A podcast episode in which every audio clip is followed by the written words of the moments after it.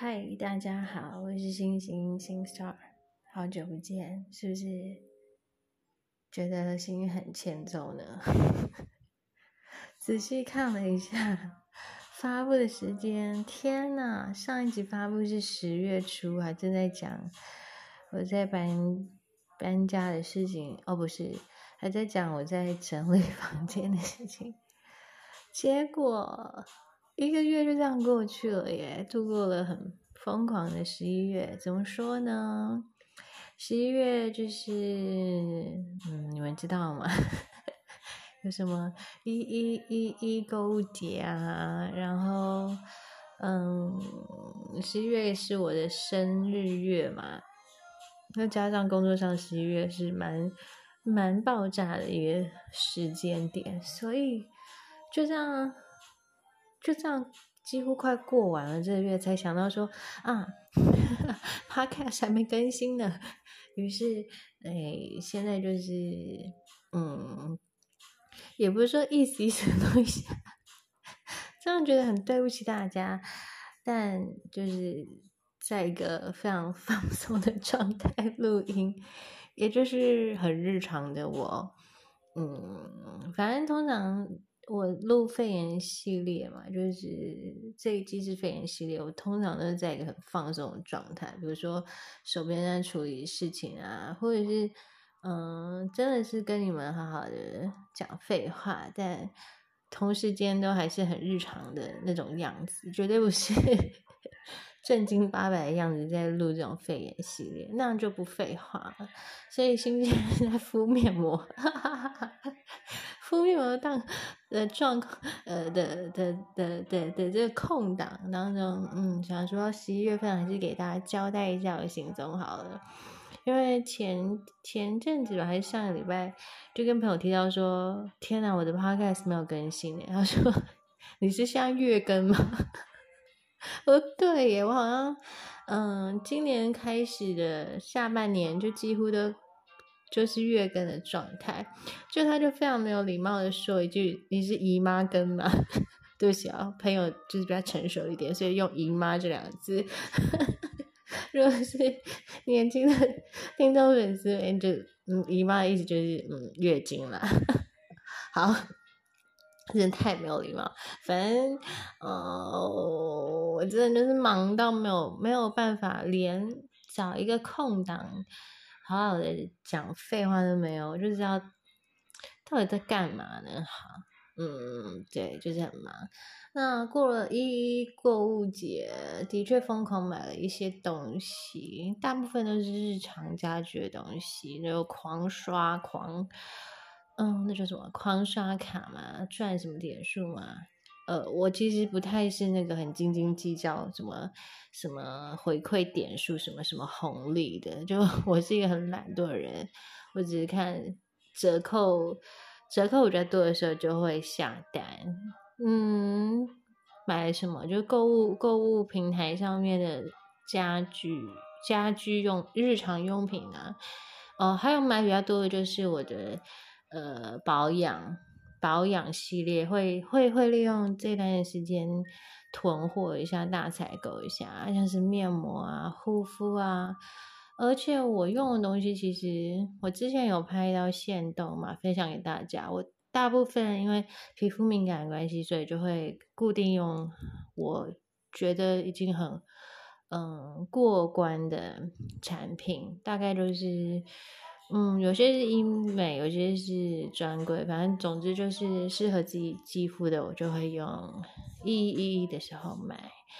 然后，哦，生日的时候，生日月呃，生日刚好就卡在我很忙那一周，而且也是上班日，所以就提前吃了饭啊，过了节，嗯，买了礼物啊，等等的。然后今年的生日就是应该就是还蛮平淡的，也不是说平淡啊，反正长大之后生日都是这样啊，难道要要多多多多厉害吗？反而觉得平平安安能够吃饱睡饱，呃，保持心情愉快，我觉得那那个也才是还蛮重要的幸福。嗯，还有什么？十一月做了什么事情？哦，对，十一月，嗯，因为搬家之后就是搬离到以前住着比较热闹的市区，所以相较之下就待在家里的时间比较多一点点，呃，对不对？多很多，所以就开始就。本来就是一个会煮煮东西的，什么叫本来就是一个会煮东西？反正就是会下厨的贤惠女子，多了比较多的时时间煮东西给自己吃，然后因为自己煮，所以营养会是很营养，但是也相对的健康更多更多，因此呢。哎，这几个月下来，我的身形消瘦许多，应该是真的蛮回到那种少女的身材的感觉。我觉得这是一个很棒的、很棒的进步。因为之前压力啊，我是属于那种压力会胖的人，不是借由吃啊，或者是喝饮料啊、喝酒来发泄，而是就是自然、自然而然、自然，对不起，自然而然压力。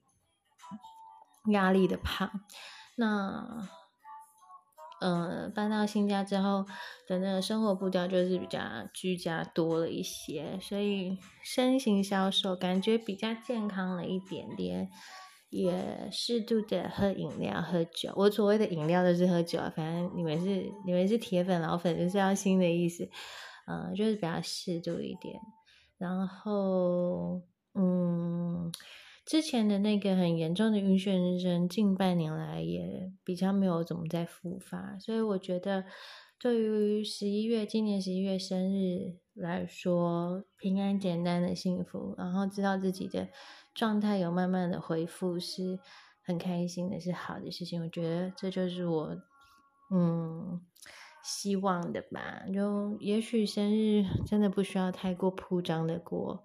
当然，该有的还是要有了，比如说蛋糕啊、大餐啊、礼物啊。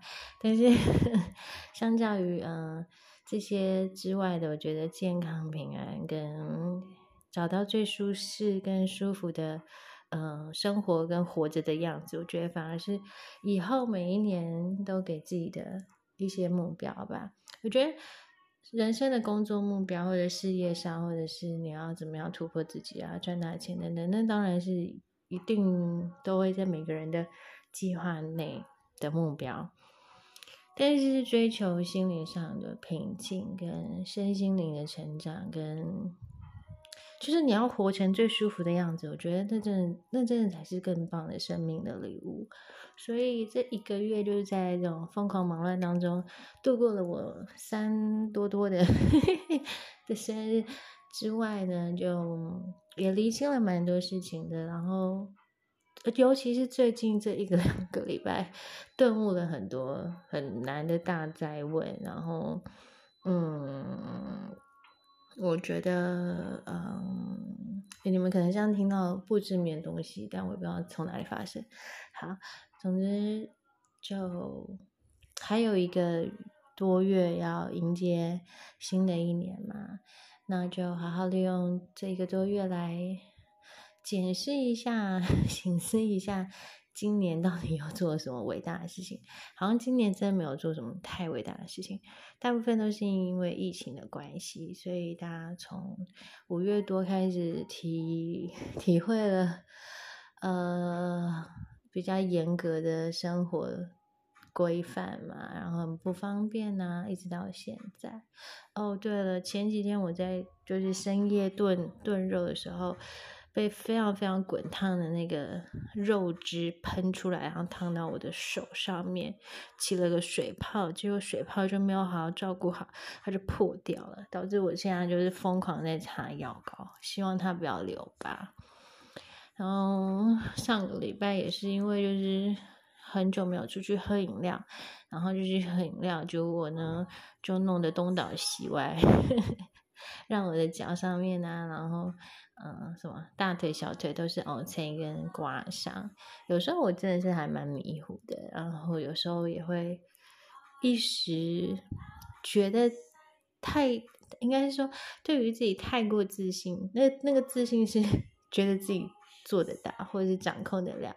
像是吃饭点菜的这个呃拿捏，我就是一直都会觉得我想吃多少多少，可是其实实际上我现在吃吃的分量越来越少，等等的。总之有时候会有一种对自己的那个自信过 头，导致有有一些那个很蠢很笨的事情发生，所以我现在。嗯，的确，两两两双两只腿不是两双，一双腿，两只腿上面布满着伤疤。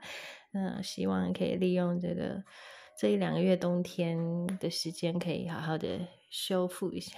刚好听到咔嗒一声嘛，嗯，对，好。那再来十二月有什么计划呢？大家因为不晓得啦，听说我看前几天有看到。Po 文是台北市的跨年，好像有举办嘛，所以不晓得会不会有一些什么音乐 party 的活动啊，或者什么什么的活动。新可能因为去年我就没有去参加，去年就身体不舒服，加上疫情，所以就选择在家里面度过。那十二月，我觉得如果真的可以的话，想要。对啊，想要热闹一点的去迎接新的一年，因为 毕竟今年真的闷的状况比以往多太多太多了。希望好好的可以开心的迎接新的一年。那十二月我会不会再废话呢？当然还是会啊，不过也会想着新的一季要做什么事情。我实在还是没有找到那个伙伴可以跟我一起录音。我觉得也有可能是因为要录音的地方很难瞧，以及是人选吧，对不对？那当然，之前听了两集九号同学，但九号同学他这人更忙，更难瞧，更大牌，所以 我觉得我不要去求人家。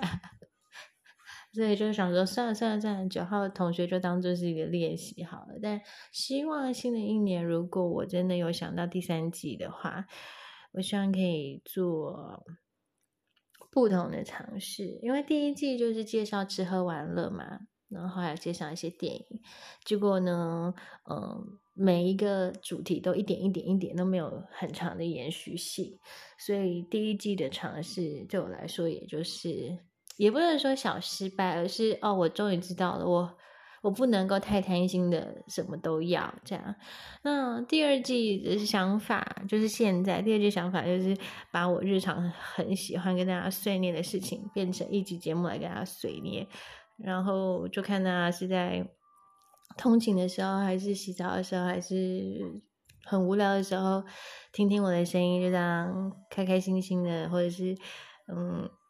就一起度过了二十分钟啊，三十分钟、四十分钟这种废话的时间。就我觉得第二季的想法，我是以这个为出发，所以并没有特别特别的聊主题。但是第三季，我就想要再做一些什么，但可能我需要再去思考。我的确喜欢跟人家，就是跟。应该说有一个对手，也不是对手，就是有个伙伴可以聊，或者是嗯，或者是交流，这样大家就可以听到不同声音跟不同观点。我觉得那样子会更丰富一点，不一定是男生，我也不一定是女生，反正就是我觉得应该要再找一个伙伴来 加入 星星这疯狂的行列。会比较好玩，所以希望，嗯，在新的一年到来之前，我可以想到接下来的的风格，或者是接下来的方向。那我也一直也没有把自己定位成什么什么什么类的 podcast 节目，或者什么什么什么类的声音主播。总之，每一个样子都是我。那你们喜欢听我的声音，也就得。也就得接受这样子非常任性多变的我，是吧？好，那你这样可能听到我在抚摸自己的面膜，让大家洗手。嗯，肺炎系列，对啊，因为其实好像有些时候就听一个人在那边碎碎念也蛮有趣的，因为因为怎么会有人会把自己的碎碎念录下来变成一个节目呢？真的是很好玩，因为以前还会写那个。还会定期的 Po 文嘛，对不对？然后现在就真的比较懒一点，比较少拍照。我我觉得拍风景照或者是艺术照或者是自己的漂亮的照片，都真的比以前少，因为都都都戴着口罩，都没有去哪里玩，你要怎么去？去去取材呢，对不对？你总不能把自己的住家每个地方的角落都拍过一遍嘛？那也太太太太蠢了一点。所以，嗯，就是因为这样子素材比较少，也导致于没有办法频繁的去发文跟写文，然后就会变成比较像是那种。剖即时现动的感觉，就是一点一点的分享给大家。那我知道啊，这样听起来都好像是借口，听起来都是借口。可是，嗯，真的希望说，还是能够在忙碌的时间，透过自己的声音，多多少少的陪伴陪伴着你们。无论我这个及时雨 下在你的 生活里，还是心里面。是解渴呢，还是刚好可以滋润，还是就是也是一起陪着你雨天都好。总之，我还是相信文字跟声音是有一定的力量，然后也还是希望我的陪伴可以带来 一丝丝的，这样讲有点恶心，一丝丝的温暖。好。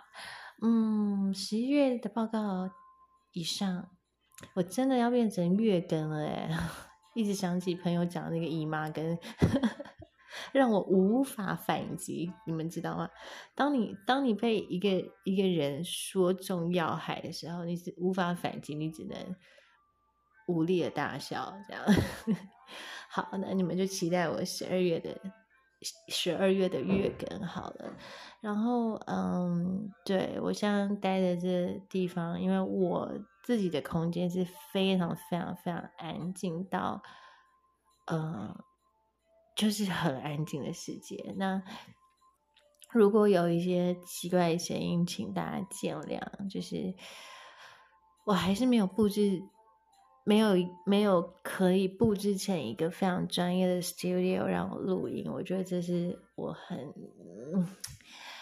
很很很烦的一件事情。也就是我也希望之后可以有再多一点的空间，对，因为我自己居住的地方的环境已经需要很大的空间，但是如果还要再多一个我自己的 studio 的话。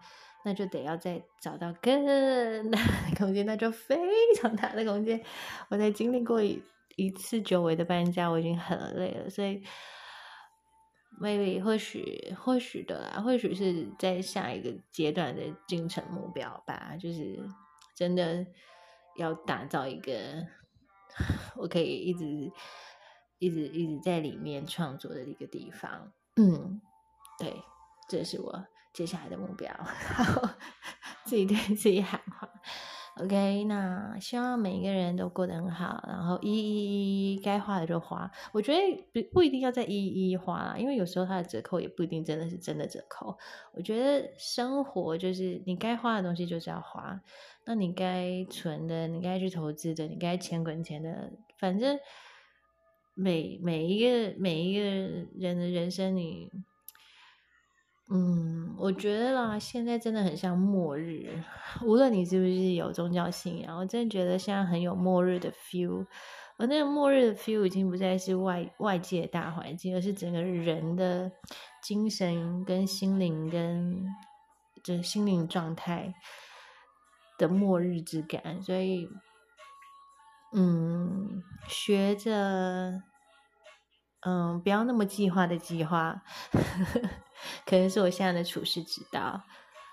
对，大概就是经历过了很多次的的的受伤、生病还有创伤之后的体悟吧。那希望十一月的你们现在已经剩下几天了，都可以继续坚持住。